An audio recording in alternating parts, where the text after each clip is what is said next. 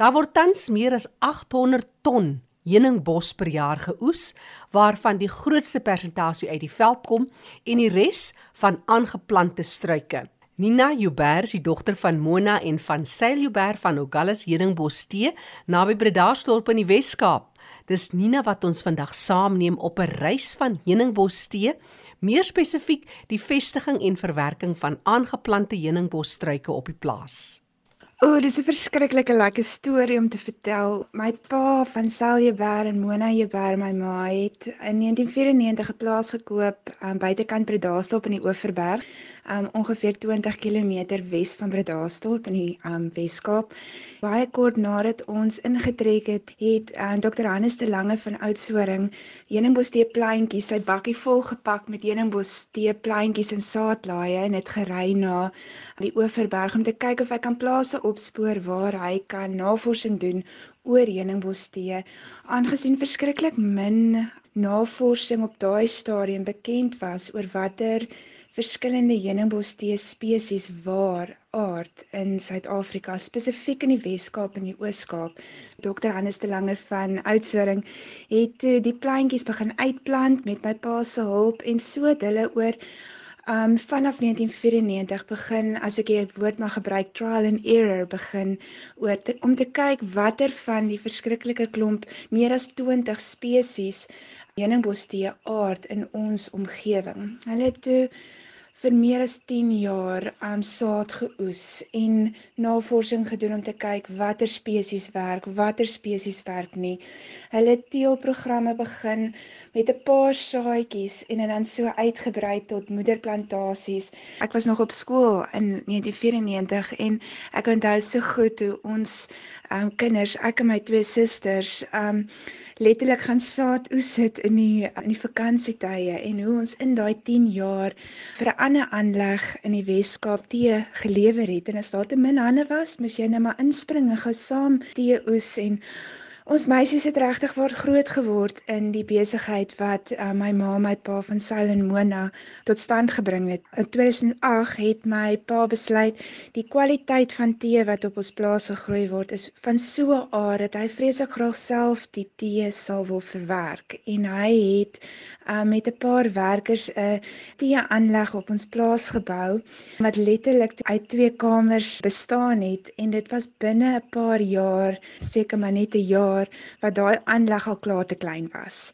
Met my pa se inisiatief en my ma se geduld het my pa wonderlike idees met mee vorendag gekom en ons is nou letterlik in 2022. Ons is 'n besigheid wat uitvoer 100% organies gesertifiseerd uitvoer na die FSA, na Europa en ons is verskriklik trots daarop. En ons het 'n wonderlike boerderypraktyk waar ons tussen fynbos, ons heuningbos tee plant.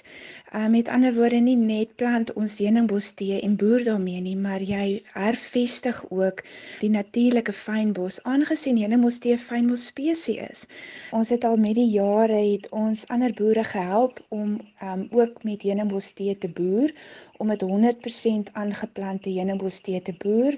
So ons beweeg bietjie weg van die model waar ons heuningbos tee wild oes in die veld in die berg. Ons doen slegs 100% aangeplante heuningbos tee. En dit is nou waar oorspronklik my pa en oom Hannes te lange se teelprogram ingekom het, want hulle het hierdie heuningbos tee geteel oor dekades wat siekte 'n siekte weerstand het. Heuningbos tee. Hoekom die naam? Heuning en bye is soort van sinoniem en wat van heuningbostee? En wat is die gewenste klimaatstoestande vir heuningbostee? So heuningbostee is 'n uh, se botaniese naam is Cyclopia. Daar's oor die 20 spesies heuningbostee wat bestaan. Daar is 6 heuningbostee spesies as ek reg onthou wat kommersieel verbou word en ons boer tans met 3 van hulle. Twee van die spesies kom voor in ons area en die een spesies is op een van ons produsente in Berrydale se area. Die drie spesies waarmee ons boer is Cyclopia genestoides, dis die kustee. Dan het jy die die Cyclopia uh intermedia wat die bergtee is wat bietjie meer hou van kouer areas, bietjie meer van bergagtighede, ook die Cyclopia subternata. Dis die drie waarop ons um, hoofsaaklik fokus. Maar die heuningbos tee um naam kom van die soet reuk wat dit afgee in sy blomseisoen. Nou sy blomseisoen is in Oktober en November en 'n gedeelte van Desember wat die blommetjie um vreeslik soet ruik. Dit is die ongelooflikste reuk wat jy kry as jy deur die heuningbostee velde loop waar jy dit ruik na heuning. En dit interessant, dit lok um heuningbye, maar dit word nie bestuif deur 'n heuningby nie. Die um blommetjie waar die nektar in verskuil is, is te groot en te swaar vir die heuningby om binne-in te kan kruip om by die styfmeel uit te kom.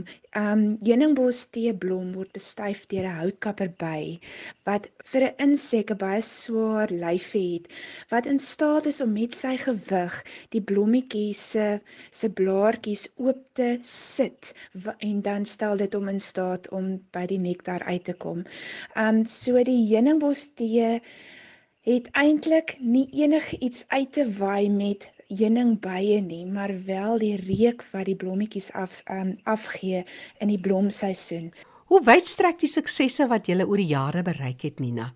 Hoe maak jy 'n verskil aan die plaaslike gemeenskap en as 'n mens dink in besonder die ewig stygende statistiek van werkloosheid? So oorspronklik toe my ouers die besigheid in 2008 tot stand gebring het, dit is nou jare nadat um Agala Sanibustino eintlik met die teelprogram aan die gang was. Maar in 2008 he, is die naam Agala Sanibusti geregistreer en dis daar waar hy um waar ons begin ons eie tee verwerk het en Ja, dit is vir my met verskriklike groot trots wat ek kan vertel oor hierdie besigheid, want dit is vir ons regtig waar 'n verskriklike groot trots. Uh, ons voer nou al vir 'n hele paar jaar uit. Um maar toe die besigheid tot stand gebring is, het ons nie lekker geweet van al die sertifiserings wat jy moet hê om in staat te wees om uit te voer nie. So dit was 'n verskriklike, as ek die Engels mag gebruik, learning curve. So ons moes uitvind watter sertifiserings moet ons hê. Um ons lande moes geregistreer word vir die produksie. Um ons het toe ook in 2016 aansoek gedoen om ons organiese sertifisering te kry vir beide Europa en die FSA. So sedert 2016 voer ons Europa toe uit met groot sukses 100% organiese heuningbostee en sedert 2 jaar terug 2020 het ons ons eerste besending FSA toe gestuur. Ons het 'n paar gesinne wat vir ons werk in ons besigheid, werkers, maar ook het ons 'n projek waar ons boere help om met heuningbostee te boer en hulle het dan plikspanne wat ook um onderhou word deur die teepluk proses. Ons bemagtig dus boere om heuningbostee aan te plant en so onderhou hulle ook die plaaslike gemeenskappe en help met werkvoorsiening. Um, Nina, dit was 'n groot samewerkingsooreenkoms tussen julle getroue werkers en dan navorsers. Vir wie sonder jy uit? Ons sê gesê um, ons ingang by ons plaas sê Joubert um familie en is presies wat dit is. Waar um, my ouers het begin het, waar ons meisies, ek Lise en Monay, um letterlik vakansies gesit en teepakkies pak en en gaan help oes sit van ons te min hande. Daar is van ons werkers wat nou al maklik meer as 10 jaar vir ons werk en die voorreg daarin verbonde om te weet maar hulle het begin saam met ons toe ons die heel eerste um batch tee begin maak het. Um een van ons vrouens wat juis meer as 10 jaar al net saam met ons woeker aan hierdie proses het juis verlede Vrydag um het sy afgetree en dit was so kosbaar om te kan sien maar sy was 'n deel van ons besigheid die navorsing wat ingegaan het in hierdie hele tee reis wat ons gevolg het was net so kosbaar. Met al die studente wat hulle nagraadse studies op ons plaas um kom voltooi het met al die navorsers by die voedselwetenskap en um departement van Stellenbosch Universiteit van al die dosente wat hulle studente na ons te stuur om te kan kom navorsing doen oor verskillende insekte tussen die tee. Ek ploeg nie net met my ouers se kinders nie. Ek ploeg met soveel studente en dosente en navorsers en die breër Enemostee industrie. Dit is vir my met so groot trots dat ek kan sê Agallas Honeybush het definitief nie tot stand gekom net met 1 of 2 of 3 mense nie. Ons het met die foute gemaak en weer opgestaan aan die ander kant en dit verbeter. Um te dank aan my ouers wat oorspronklik die idees begin het en wat hulle tot stand gebring het en ek en my sissies wat die die voorreg het om dit weer verder te vat. So verskriklike groot voorreg. Nina Joubert van die plaas Ogallis Honeybush Tea wat vandag met ons gedeel het. Gemaak het draai op hulle webtuiste vir meer inligting www.ogallishoneybushtea.co.za. Ek is Jackie January. Mooi loop tot 'n volgende keer.